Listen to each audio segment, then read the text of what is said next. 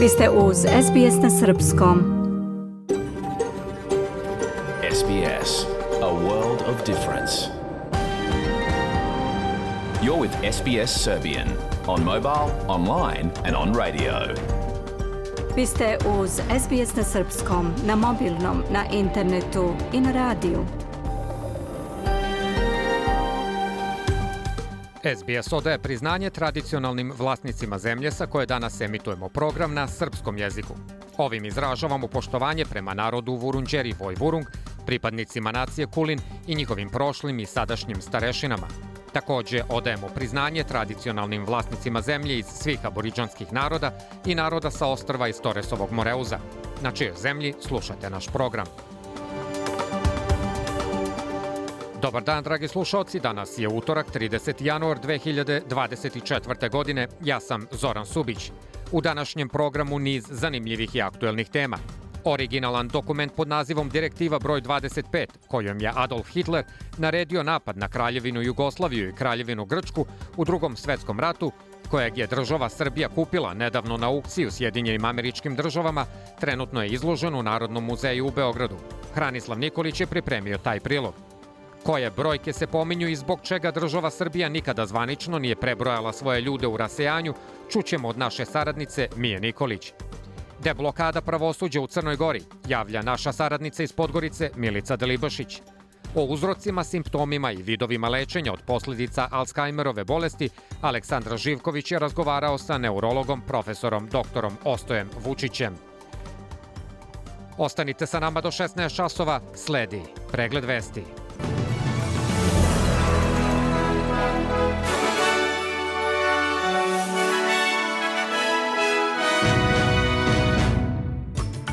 Australijanci se uveravaju da neće biti promena u prednostima poreza za investitore nekretnina nakon neočekivanog novog rada na uštedama u trećem stepenu.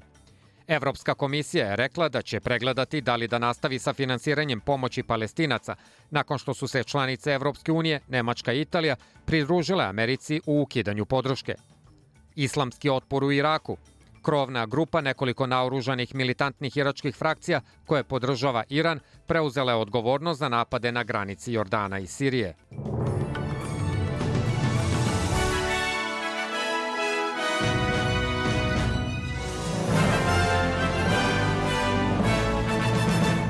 Australijanci se uveravaju da neće biti promena u prednostima poreza za investitore nekretnina nakon neočekivanog novog rada na uštedama u trećem stepenu – Federalna vlada se sprema da promoviše redizajniran poreski paket, Rizničar je bio pod pritiskom da potvrdi da neće biti više preokreta u poreskim smernicama. Rizničar Jim Chalmers je izjavio da nije postojao plan da se opet poseti laboristička smernica sa izbora 2019.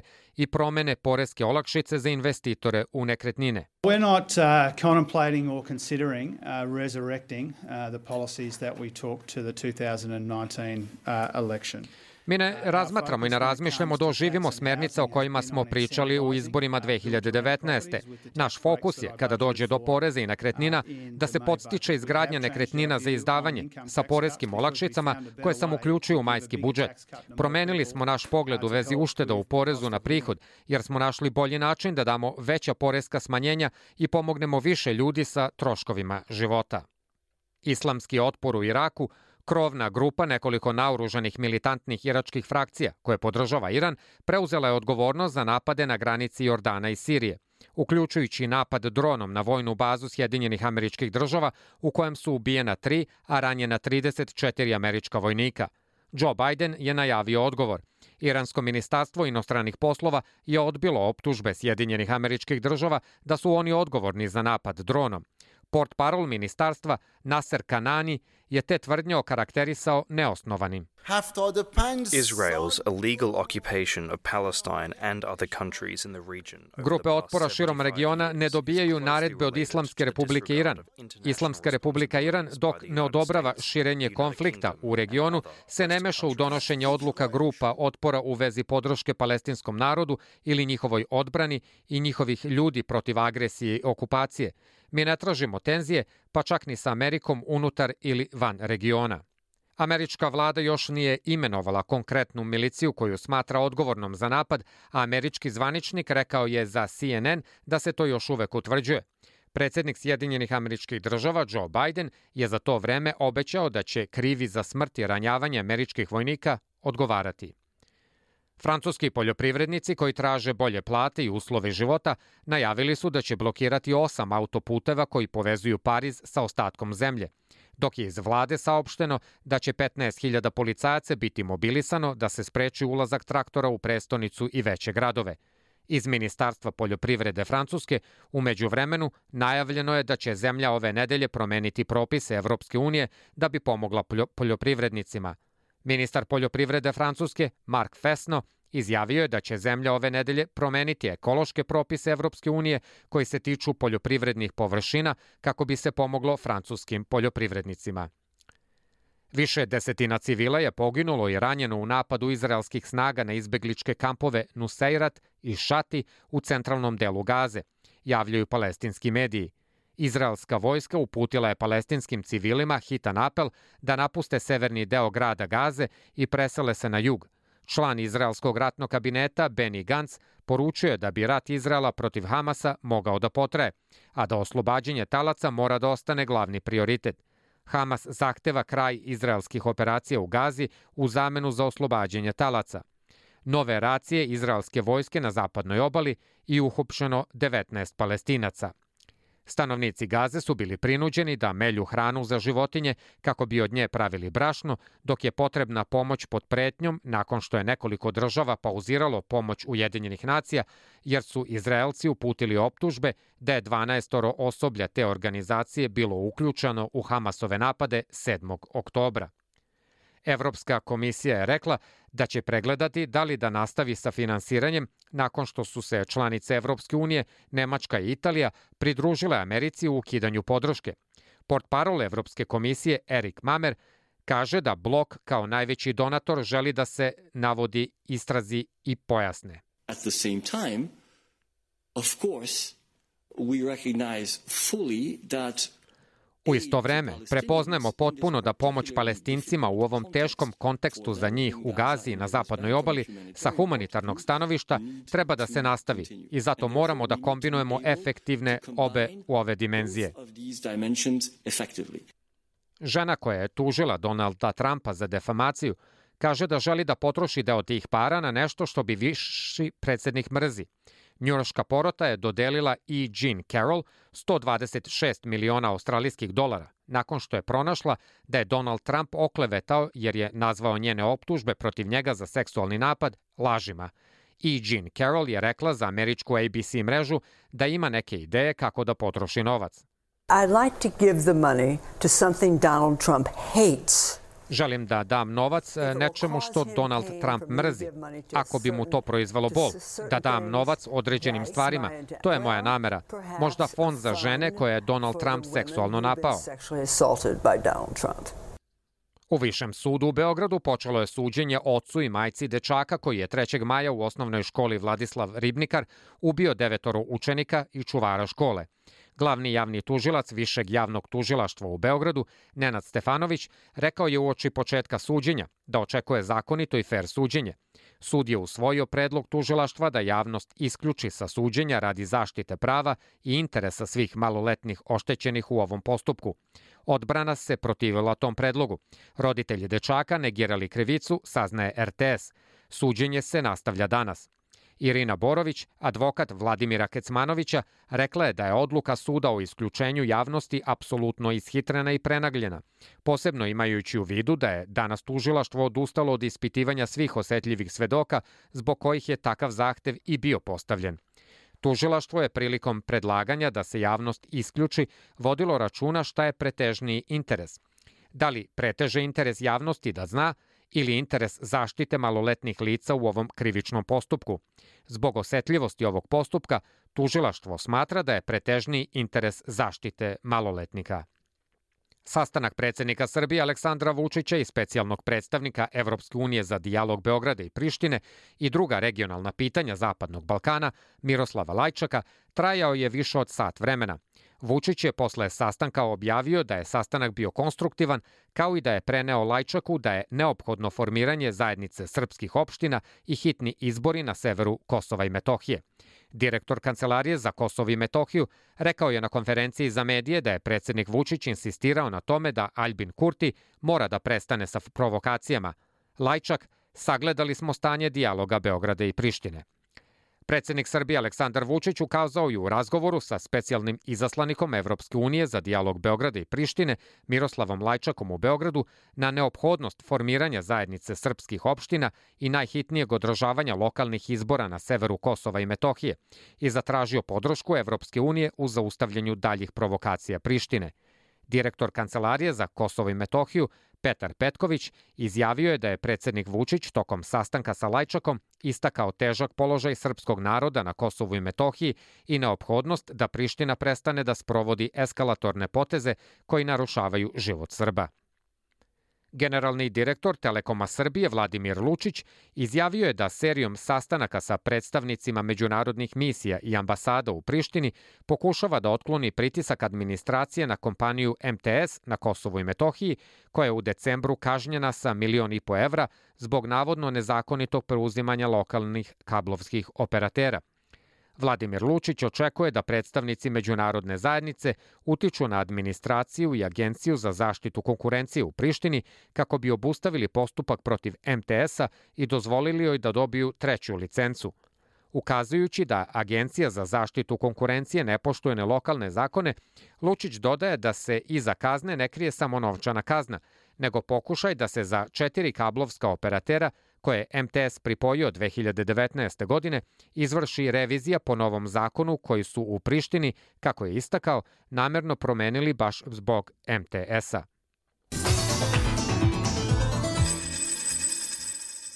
Jedan australijski dolar na svetskom ekonomskom tržištu danas vredi 0,66 američkih dolara, 0,61 evro, 0,52 britanske funte i 71,45 srpskih dinara.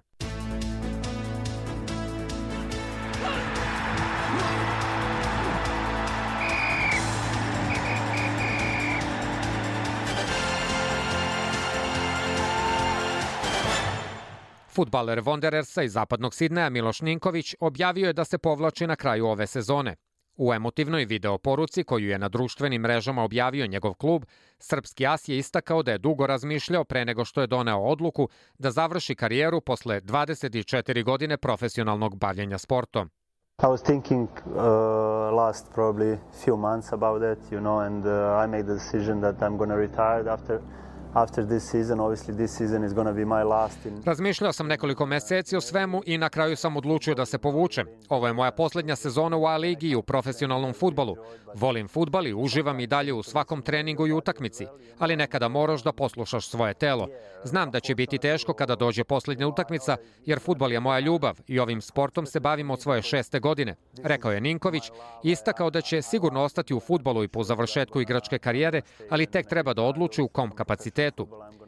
Miloš Niković je došao u Australiju sredinom 2015. godine i za devet sezona ostavio je dubok trag kao jedan od najboljih futbolera A lige svih vremena. Sedam godina je igrao za Sidney i dao veliki doprinos u osvajanju po tri titule premijera i šampiona i jednog kupa Australije. Takođe, dvostruki je dobitnik medalje Johnnya Vorena za najboljeg futbalera Australije, a jednom je poneo je medalju Joa Marstona kao najbolji igrač finala A lige. Posle nesuglasica sa upravom Sidneja, u junu 2022. godine napustio je klub i potpisao za gradskog rivala Wandererse. Do sada je u A ligi odigrao ukupno 198 utakmica, postigao 33 gola i zabeležio 32 asistencije. U bogatoj karijeri branio je i Boja Čukaričkog, Dinama iz Kijeva, Crvene zvezde i francuskog Evijana – Za reprezentaciju Srbije odigrao je 28 utakmica i bio je učesnik svetskog prvenstva u Južnoj Africi 2010. godine. Zbog hronične povrede mišića, Ninković je ove sezone nastupio na samo pet mečeva. Prema još nezvaničnim najavama, Miloš Ninković će odigrati oproštajnu utakmicu 20. aprila u predposlednjem kolu A lige, kada Wanderersi dočekaju ekipu Melbourne City-a. Košarkaši Crvene zvezde danas od 20 časova po srednjeevropskom vremenu igraju meč 24. kola Evrolige protiv Valencije, koja će biti oslabljena neigranjem centra Brendona Davisa. A košarkaški klub Virtus saopštio je da su rasprodate sve ulaznice za meč 25. kola Evrolige protiv Beogradskog Partizana, koji će biti odigran u petak u Bolonji. Sledi vremenska prognoza koja nas danas do kraja dana očekuje po najvećim gradovima Australije. U Sidneju 29 stepeni i povremene padavine, u Melbourneu 24 stepena sa razvedravanjem, u Brisbaneu 29 stepeni i smanjenje padavina, u Pertu 35 stepeni i sunčano vreme, u Adelaidu 28 stepeni i uglavnom sunčano, u Hobartu 25 stepeni i sunčano, u Kamberi 29 stepeni i delimično oblačno, i u Darwinu 31 stepen i povremena kiša. Ovo su bile vesti SBS programa.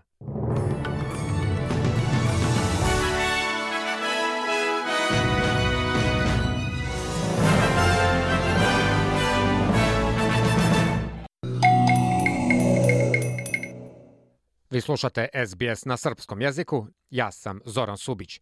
Nastavljamo aktuelnim temama – Potpredsednica vlade Srbije, ministarka kulture Maja Gojković, obišla je povodom Međunarodnog dana holokausta obnovljenu centralnu kulu Memorialnog centra Staro sajmište sa direktorkom te ustanove kulture Krinkom Vidaković-Petrov i tom prilikom istakla da je izuzetno ponosna što se godinu i po dana od početka radova na ovoj kuli sada nalazi na mestu koje je pravo mesto posvećeno sećanju na žrtve holokausta i najavila da će već možda sledeće godine ovde biti stalna postavka – a originalan dokument pod nazivom Direktiva broj 25, kojom je Adolf Hitler naredio napad na Kraljevinu Jugoslaviju i Kraljevinu Grčku u drugom svetskom ratu, kojeg je država Srbija kupila nedavno na aukciju Sjedinjenim američkim državama, trenutno je izložen u Narodnom muzeju u Beogradu. Taj dokument, kako javlja Hranislav Nikolić, između ostalog sadrži instrukcije da se deo teritorije Kraljevine Jugoslavije ustupi Bugarima i Rumunima. Hranislav Nikolić pripremio je sledeći prilog. U ponedeljak je državnom ceremonijom na Starom sajmištu u Beogradu obeležen Međunarodni dan sećanja na žrtve holokausta.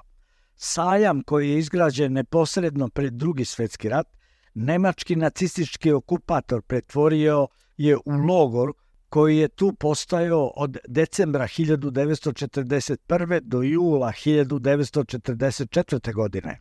Prema podacima, Staro sajmište je bilo najveći nacistički logor na području današnje Srbije po broju logoraša, a od njih 40.000 život je izgubilo oko 17.000. Ceremoniji na Starom sajmištu prisustvovala je i ministarka kulture Maja Gojković u svojstvu i zaslanika predsednika Aleksandra Vučića. Ona je kazala inicijativu predsednika države Aleksandra Vučića doneti zakon o formiranju ustanove, Republičke ustanove kulture, Memorialni centar Staro sajmište, koji smo godinu dana kasnije formirali, izabrali prvu direktorku gospođu Krinku Vidaković na mesto dakle, pre, direktora ustanove koje je zajedno sa Ministarstvom kulture učinila da ovaj spomenik kulture danas izgleda ovako veličanstveno. Mnogo posla nas čeka i u budućnosti. Uskoro ćemo dakle završiti sve radove koji se odnose na centralnu kulu, a zatim prelazimo na veoma važan deo, a to je e, stvaranje stalne, stalne postavke, prikupljaju se podaci, pozivamo sve građane Beograda, e, Srbije, nekadašnje Jugoslavije, da slobodno šalju svoje priloge i podatke o ovom mestu e, stradanje jevreja, Srba i Roma kako bi ta postavka imala svoje pravo veličanstveno izdanje. I iskreno se nadamo da ćemo iduće godine, možda upravo na ovaj važan svetski istorijski dan sećanja na stradanje svih naroda koji su bili žrtve nacizma, fašizma i holokausta uspeti imati možda i otvaranje ove postavke. Takođe ćemo raditi na tome da se izgradi memorialni zid ispred ovog ovog važnog istorijskog zdanja i tu prikupljamo imena i sve podatke o žrtvama koje su upravo izgubile svoje živote u ovom logoru smrti Staro sajmište.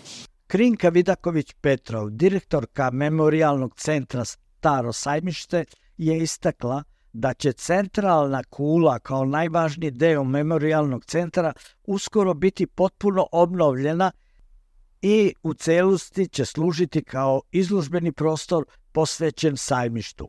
Maja Gojković, predsjednik Skupštine Srbije Vladimir Orlić, ministar spoljnih poslova Ivica Dačić, predsjednik Skupštine Vojvodine Momo Čolaković i drugi zvaničnici položili su vence na spomenik žrtvama genocida na Novobeogradskoj obali reke Save.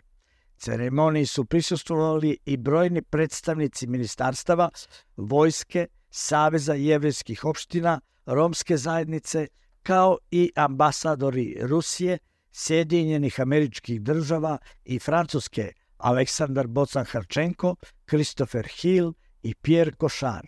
Važan istorijski dokument pod nazivom Direktiva broj 25, zloglasna direktiva nemačkog kancelara Adolfa Hitlera, u četvrtak je izložena u Narodnom muzeju Srbije u Beogradu, gde će za posetioce biti sve do 18. februara. Reč je o originalnom dokumentu, direktivi kojom je 28. marta 1941. godine Hitler naredio združeni napad na Kraljevinu Jugoslaviju i Kraljevinu Grčku. Prema ocenama istoričara, to je jedan od dva najdramatičnija pisana istorijska izvora čitave nacionalne istorije srpskog naroda. Prvi je austrougarska objava rata Kraljevini Srbiji – 28. jula 1914. godine, koja se čuva u Državnom arhivu Srbije, a direktiva broj 25 je drugi, koji je Srbija 29. novembra 2023. godine odkupila od Sjedinjenih američkih država i sada je taj artefakt u trajnom vlastištvu naše države. Direktor Muzeja žrtava genocida Deja Ristić za Tanjug je kazao – da je reč o veoma zastrašujućem dokumentu koji je značio poništavanje Jugoslavije. Osim direktora Muzeja žrtava genocida gospodina Ristića, javnosti se obratila i direktorka Narodnog muzeja Srbije Bojana Borić-Brešković. Ona je naglasila da je izuzetna odgovornost učestvovati u predstavljanju svedočanstva jednog posebnog istorijskog, društvenog i za sve nas potresnog istorijskog trenutka – Gospođa Brešković je navela da ti događaji neizbežno podsjećaju na strašan period zločina i stradanja naroda u drugom svetskom ratu da bi nas naučili da kultura sećanja predstavlja dugotrajno i često mukotrpno suočavanje sa prošlošću. Narodni muzej Srbije kao najstarija i centralna muzejska institucija ima odgovornost da preispituje, utvrđuje kritički promatra i odgovorno stoji u momentima u kojima prošlost oživljava sa ciljem da iz nje i od nje učimo negujući tokove kolektivnog pamćenja, zaključila je Bojana Borić-Bresković. Iz Beograda za SBS Hranislav Nikolić.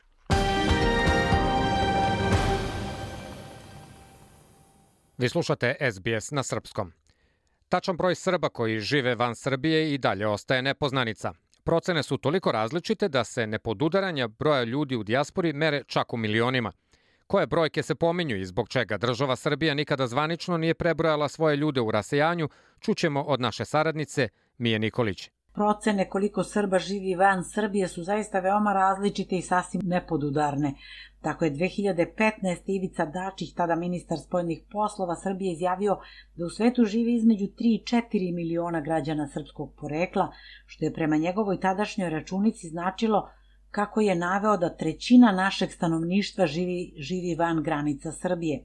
Godinu dana kasnije Beogradske novosti su izašle sa navodima da, citat, Kada se sve zbroji, ima nas nešto oko 11 miliona na planeti ako se ne računaju oni koji su decenijama u nekim državama i smatraju samo da imaju srpsko poreklo. Novosti su izašle i sa brojkama, pa su tako te 2016. zabeležile da u Srbiji živi 5.988.386, u Bosni i Hercegovini milion i 100.576 Srba. Naveli su da građana srpskog porekla najviše ima u Severnoj Americi 830.000, u Nemačkoj 450.000, u Austriji 300.000, a u Hrvatskoj, Crnoj Gori i Švajcarskoj po 176,5, 178,5 i skoro 200.000. Naš istoričar, novinar i istraživač Marko Lopušina, koji se godinama bavi ovom temom, piše da su sve cifre koje se iznose samo nagađanja, jer država Srbija nikada nije tačno prebrojala Srbe u regionu i dijaspori. Zato nema političke volje u vladi Srbije i u Ministarstvu spoljnih poslova zabeležio i on krajem 2021. i ocenio da se Matica boji da tačno prebroji Srbe u inostranim zemljama, jer bi se na taj način zvanično obavezala da iskreno i realno kao majka otačbina brine o njima. Ovako fingiranjem podataka stvara se samo utisak da Matica brine o dijaspori i Srbima u regionu. U tom pokušaju da na svoj način prebroji Srbe u svetu, država Srbija je načinila dve greške. Prva je bilo pogrešno prebrojavanje državljana Srbije u rasajanju preko državnog popisa, to je preko kazivanja njihovih rođaka u matici. Dobijeni rezultat na popisu iz 2011 od 299.900 ljudi je pogrešan i smešan.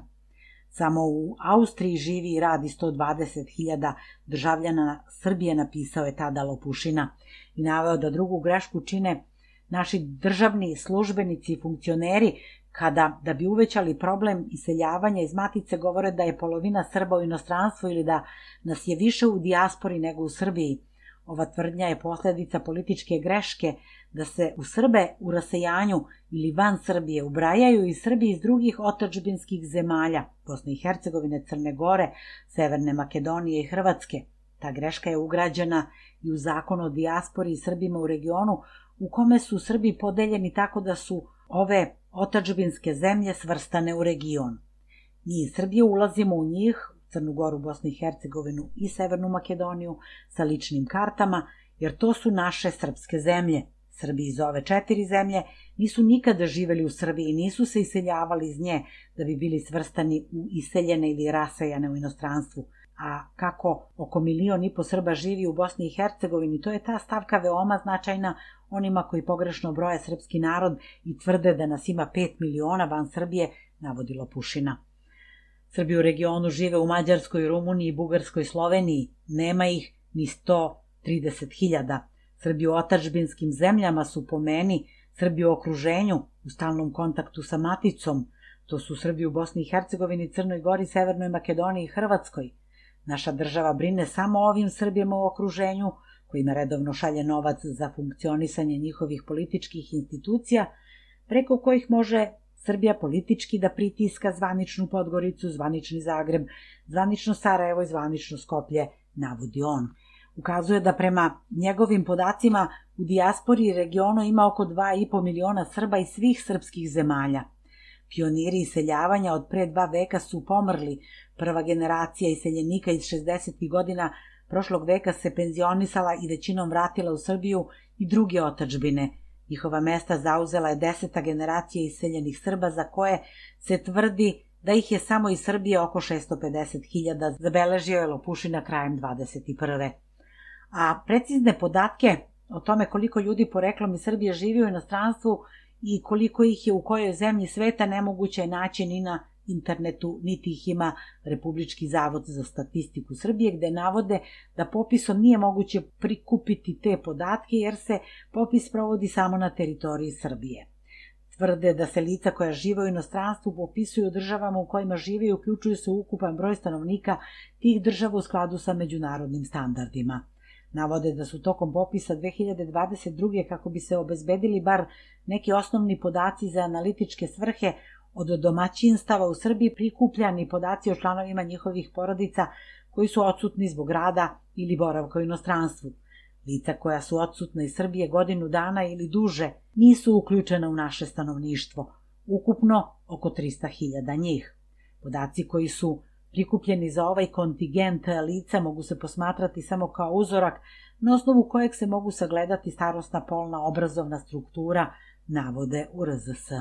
A prema zvaničnim rezultatima popisa u državama gde žive naši ljudi, ono što je poznato jeste da u Sjedinjenim američkim državama živi 193.844 Srba, u Austriji ih je navodno 121.643, a 76.000 stanovnika Beča posjeduje srpsko državljanstvo. Brojni državljani Srbije imaju dvojno državljanstvo, pa se prema nekoj gruboj proceni može reći da u Švajcarskoj živi preko 150.000 državljana Srbije. Smatra se da je najviše ljudi poreklom iz Srbije u Nemačkoj, a prema proceni Nemačkog ministarstva spoljnih poslova njih u toj zemlji ima između 400 i 800 hiljada. Ukupno 94.997 stanovnika Australije je u popisu navelo da ima srpsko poreklo, a 57.297 njih je kazalo da kod kuće govore srpski jezik. Na Novom Zelandu živi između 5 i 7 hiljada, u Turskoj se procenjuje da ih je 40.000, u Rumuniji živi 12.000 Srba, u Portugalu 3.421, u Kanadi 95.530. U Ujedinjenim Arapskim Emiratima se procenjuje da živi oko 10.000 naših ljudi, u Mađarskoj oko 17.000, u Rusiji 15.000, mada ih je prema popisu 2.500. U Severnoj Makedoniji Srba prema popisu ima 23.847, u Sloveniji trenutno ima i do 150.000 Srba. U Crnoj Gori prema preliminarnim podacima živi 625.266 stanovnika, a 43,88% se na aprilskom popisu izjasnilo da govori srpskim jezikom, dok je crnogorski kao maternji prijavilo 36,97%. U Hrvatskoj je prema popisu iz 2021. udeo Hrvata 91,63%, Srba 3,2%.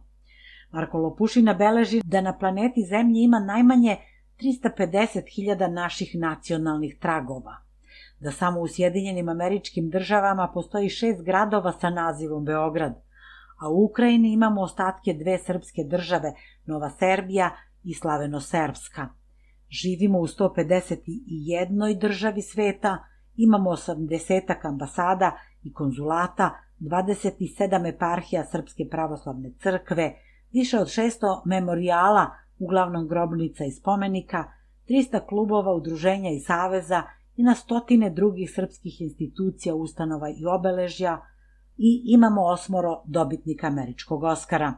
Našoj javnosti ovi podaci nisu dovoljno poznati, i ona nema svest o celokupnom srpskom nacionalnom biću, zaključuje Marko Lopušina.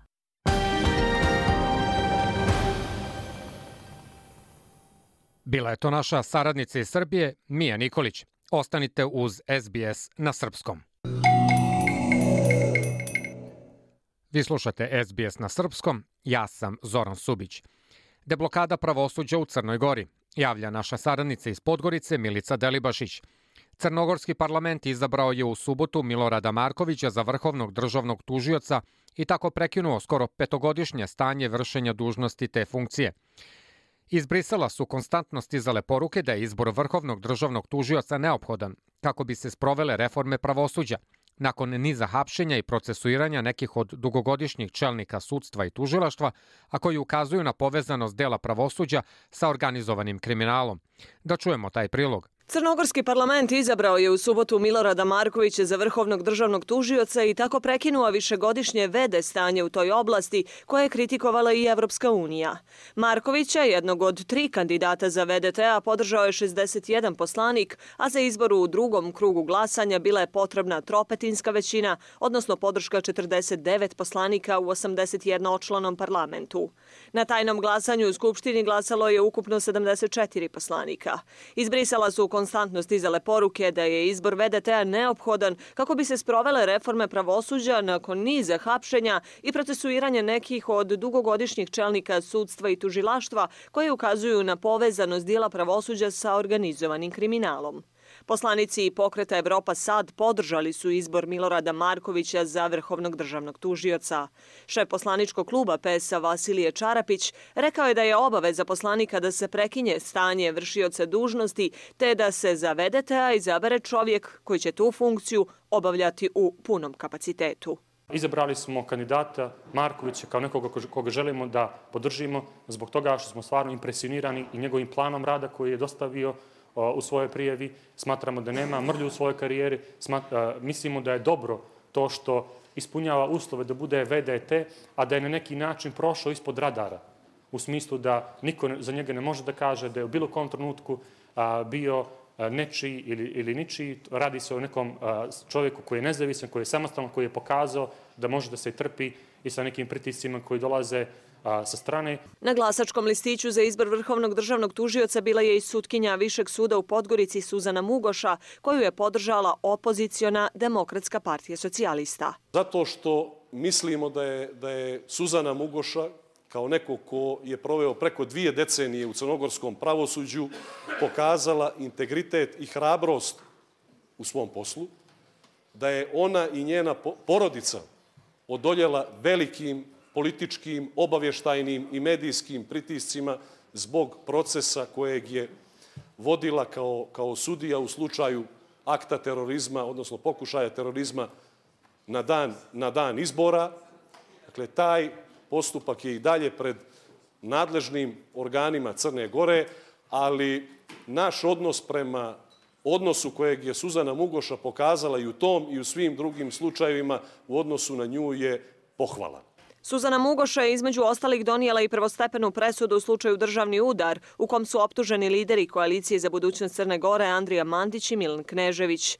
Poslanik bivšeg DF-a Slaven Radunović o Mugoši se ovako izjasnio. Treći kandidat Suzana Mugoša, to vam mogu otvoreno reći, ako Crna Gora ima 633.108 stanovnika, ona bi na našoj listi bila ili ova 633.108 ili 107 samo zavisi da li se i Katnić prijavio za tu funkciju. Funkcioner URE Filip Adžić žali što dosadašnja VD-VDT-a Maja Jovanović nije imala podršku većine poslanika. Isto tako rekao bih da je gospodin Marković jedan dobar kandidat i kandidat koji u svakom slučaju može dati dodatni vjetar u leđa našem pravosuđu, što zaista od njega i očekujemo. Vrhovno državno tužilaštvo bilo je u VD stanju skoro pet godina, kada je dugogodišnjem VDT-u Ivici Stankoviću istekao mandat.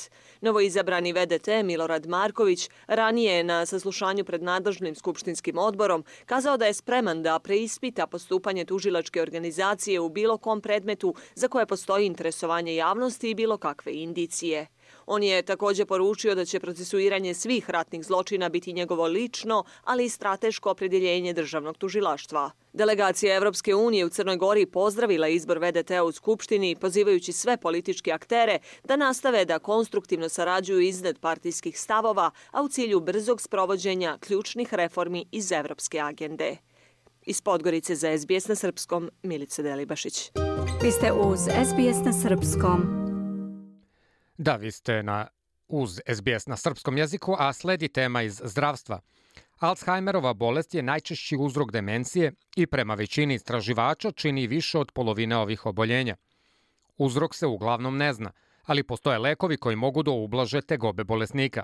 Alzheimerova bolest je neurološki poremećaj koji dovodi do laganog propadanja mozga, dovodeći do problema sa pamćenjem, svakodnevnim funkcionisanjem i ponašanjem – O uzrocima, simptomima i vidovima lečenja od posljedica Alzheimerove bolesti Aleksandar Živković je razgovarao sa neurologom, profesorom doktorom Ostojom Vučićem. Doktore Vučiću, dobar dan. E, dobar dan, Saša. Danas govorimo o Alzheimerovoj bolesti. Pa na samom početku razgovora, da li bi mogli da nam pojasnite o kakvom se poremeći ovde radi? Alzheimerova bolest je neurodegenerativna bolest moždani poremećaj srednjeg ili poznog doba koji uništava neurone i veze u moždanoj kori, što dovodi do značajnog odbitka moždane mase. danas se smatra glavnim uzrokom demencije koja se nekad smatrala normalnim stanjem u starosti. Alzheimerova bolest uzrokuje postepeno i nepovratno gubljenje pamćenja, sposobnosti govora, svesti o vremenu, prostoru i eventualno sposobnost osobe da se brine sam o sebi. Bolest je prvi put opisao nemački psihijatar Alois Alzheimer, po kojoj nosi ime ta bolest, davno 1906. godine. I tada se smatralo da je ona redko mentalno stanje pretežno mlađih ljudi. Danas se kasna Alzheimerova bolest prepoznaje kao najčešći uzrok gubljenja mentalnih funkcija osoba koja su starija od 65 godina života. A rana Alzheimerova bolest je sada mnogo ređa i to se javlja kod e, ljudi u 30., 40. i 50. godinama života.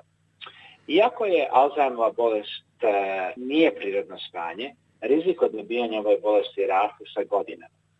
Neki pacijenti koji boluju od ove bolesti se suočavaju sa ogromnim strahom i frustracijama dok se bore sa nekad najjednostavnijim zadacima i dok polako gube svoju nezavisnost. A kažete mi, koji su simptomi ove bolesti? Alzheimerova bolest se pojavljuje postepeno. U ranim fazama ove bolesti pacijent ima relativno male probleme, uglavnom sa formiranjem novih informacijama i pamćenjem da je, je ostavio svoje stare stvari kao što su ključeve ili novčanik. Tada počinju problemi u prepričavanju ranijih događaja ili u pronalaženju reči kako bi se čovjek izrazio. Kako bolest napreduje, pacijent može imati poteškoća da se seti koji je dan ili mesec ili da pronađe put kroz poznato okruženje. To može da izazove sklonost ka tome da se osoba izgubi i da kasnije ne može da se vrati nazad kući. Pacijent često postaje razdraživ ili odsutan dok se bori sa strahom i frustracijom, kad nekada poznata mesta postanu strana i nepoznata. Promene u ponašanju se manifestuju tako što pacijent postaje paranoičan i nesposoban da učestvuje u razgovoru.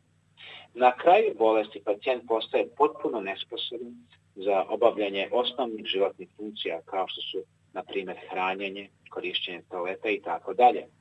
Pacijenti koji boluju od Alzheimerove bolesti mogu da žive dugo sa ovom bolešću i umiru od poremećaja kao što su pneumonija ili upala pluća.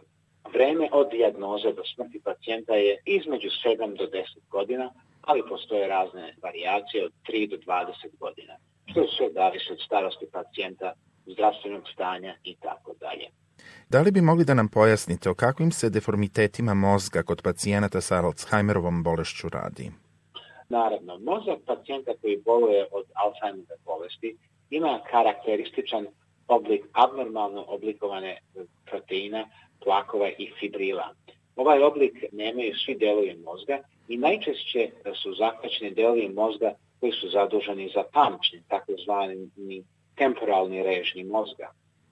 Pacijenti koji boluju od ove bolesti imaju smanjenu koncentraciju neurotransmitera kao što su acetylkolin. Na primjer, Alzheimerova bolest uzrokuje naglo smanjenje neurotransmitera acetylkolina koji i tekako utiče na memoriju pacijenta.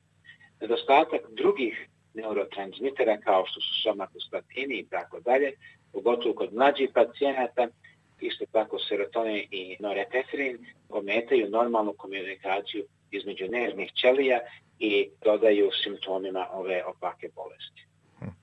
Profesore Vučiću, da li postoje znani faktori koji uzrukuju ova bolest? Pa uzroci Alzheimer bolesti još uvek nisu u potpunosti rasvedeni. Ali su istraživanja pokazala da određene grupe ljudi su podložniji dobijanju ove bolesti od drugih. Naprimer, ljudi u čijoj je porodici postojala ova bolest imaju veću verovatnoću da je dobiju.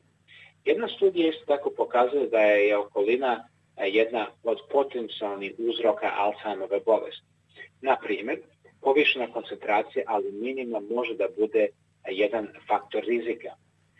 Isto tako neke studije pokazuju da povrede glave igraju ulogu nastanka ove bolesti. Jedna studija analizom medicinskih kartona veterana drugog svjetskog rata u Americi povezuje ozbiljne povrede glave u mladosti sa Alzheimerovom bolesti. Profesore Vučiću, kako se Alzheimerova bolest može diagnostikovati? Pa Alzheimerova bolest se može potpuno utvrditi tek nakon što se nervno tkivo pregleda pod mikroskopom, što je moguće posle smrti. Znači, patološki se može diagnozirati. Zbog toga doktori se osnovaju na druge tehnike e, u toku pacijentovog života da bi diagnostikovali Alzheimerovu bolest. Dijagnoza počinje time što se upanjaju svi mogući uzroci gubitka pamćenja, kao što su depresije, alkoholizam, moždani udar, upotreba droge i tako dalje. Pacijent se zatim podvrgava pregledima, uključujući specijalnom skimiranju mozga, koristeći MRI scan, da bi se kao uzrok otklonili i drugi poremećaj, kao što su tumori mozga. Tada bolesnik podvrgava detaljnim pregledu koja se zove neuropsihijološki pregled, koji je dizajniran tako da proceni njegove sposobnosti i da izvrši određene mentalne zadatke. Ovo pomaže doktoru da odredi da li on pokazuje znakove Alzheimerove bolesti, postepeno gubljenje memorije, poteškoću u izraživanju i gubitku svesti u vremenu i prostoru. Isto tako, neuropsihološki pregled može da otkrije druge vrste e, demencije, kao što su frontotemporalna demencija. Doktori se također raspituju o medicinskoj prošlosti e, pacijente da saznaju više o nekim težim bolestima u porodici, što može da pomogne u diagnosticiranju bolesti. A kažete mi, da li se Alzheimerova bolest može izlečiti? Za sada ne postoji specifičan lek e, koji može da izleči Alzheimerovu bolest, ali postoje lekovi koji leče i usporavaju tokove bolesti. Lekovi koji povećavaju koncentraciju neurotransmitora acetalkolin su odobreni od strane raznih agencija kao što su američka FDA za lečenje Alzheimerove bolesti. Bolesnici primaju inhibitore kolinoesteraze, koji je enzim u mozgu koji smanjuje acetalkolin i ovi lekovi imaju skroman ali pozitivan efekat na simptome bolesti. Ovi lekovi koji kod pacijent koristi u svim fazama bolesti, ali su posebni efektivni u ranijoj ili srednjoj fazi Alzheimerove bolesti. E, profesore Vučiću, hvala vam na ovim informacijama. Molim i Slušajte SBS na srpskom, na mobilnom, na internetu i na radiju.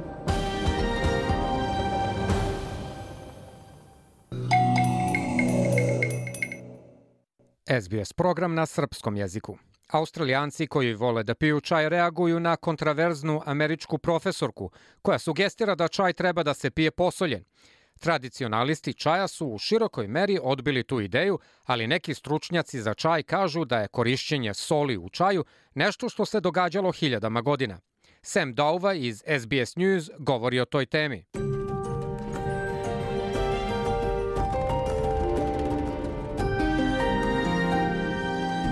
Oh my gosh, I feel...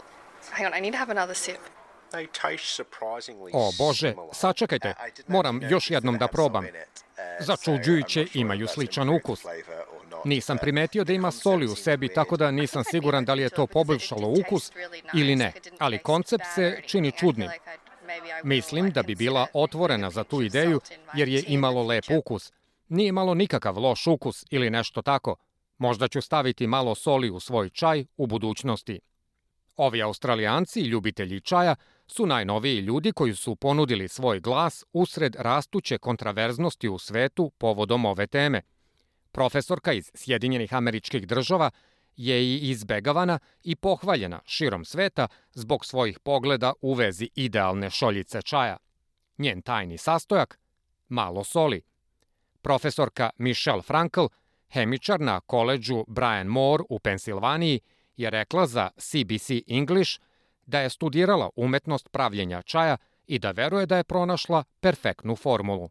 read 500 papers, drank 400 cups of tea, tried all sorts of experiments. Pročitala sam oko 500 dokumenata, popila 400 šoljica čaja i pokušala sve vrste eksperimenata u svojoj kuhinji. Moja perfektna šoljica čaja počinje sa listovima crnog čaja. Obično lepi engleski čaj, a onda koristim ključalu u vodu u kojoj ostavim čaj 4 minute. To malo soli čini čaj manje gorkim, moja perfektna šoljica čaja. Uključivanje tog poslednjeg sastojka je stvorilo kontraverznost.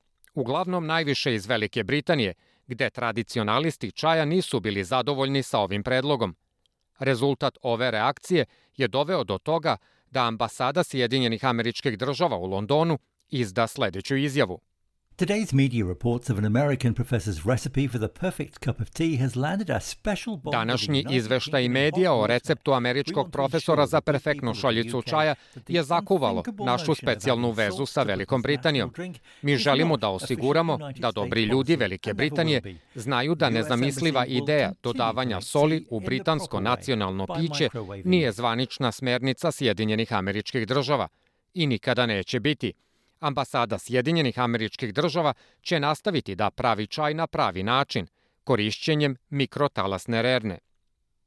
Ali neki entuzijasti čaja su bili u pravu kada su rekli da so u čaju nije nova tradicija.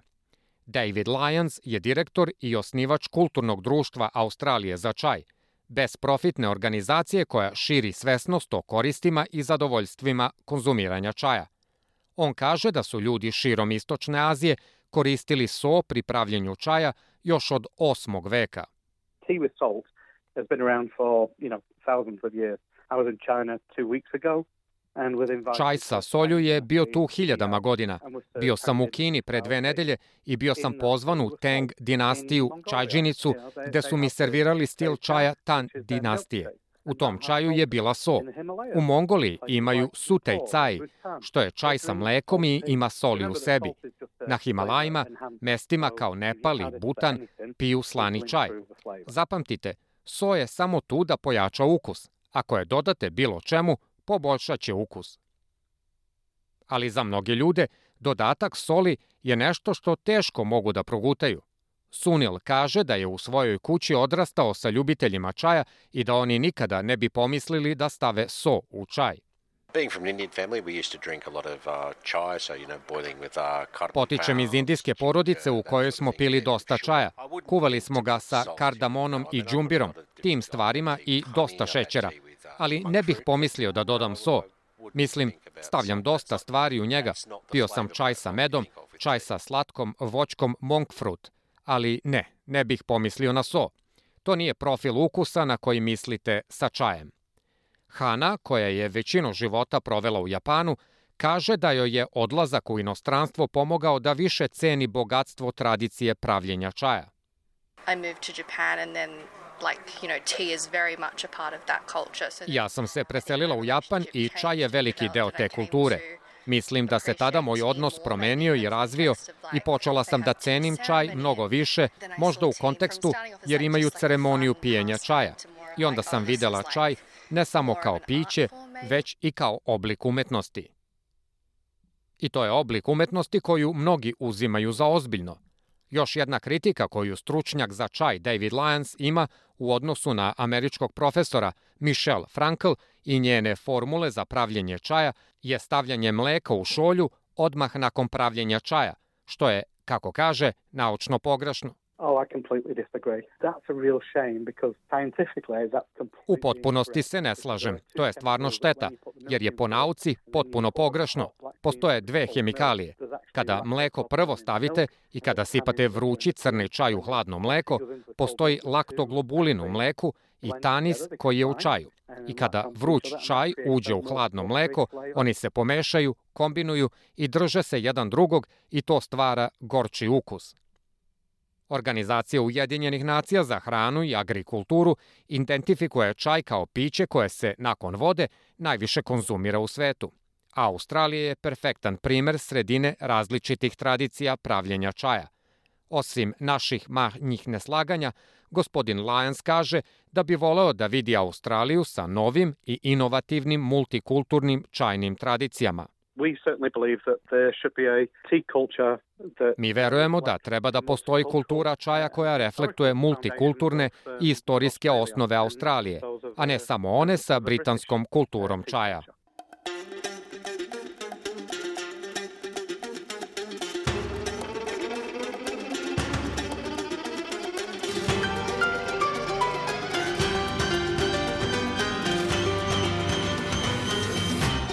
Slušali ste SBS program na srpskom jeziku.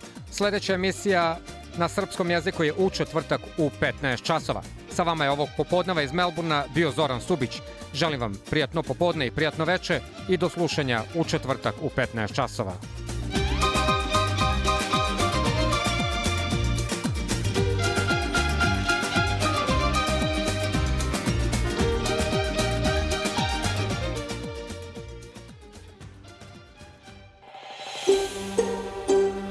Želite da čujete još priča poput ove? Slušajte nas na Apple Podcast, Google Podcast, Spotify ili odakle god slušate podcast.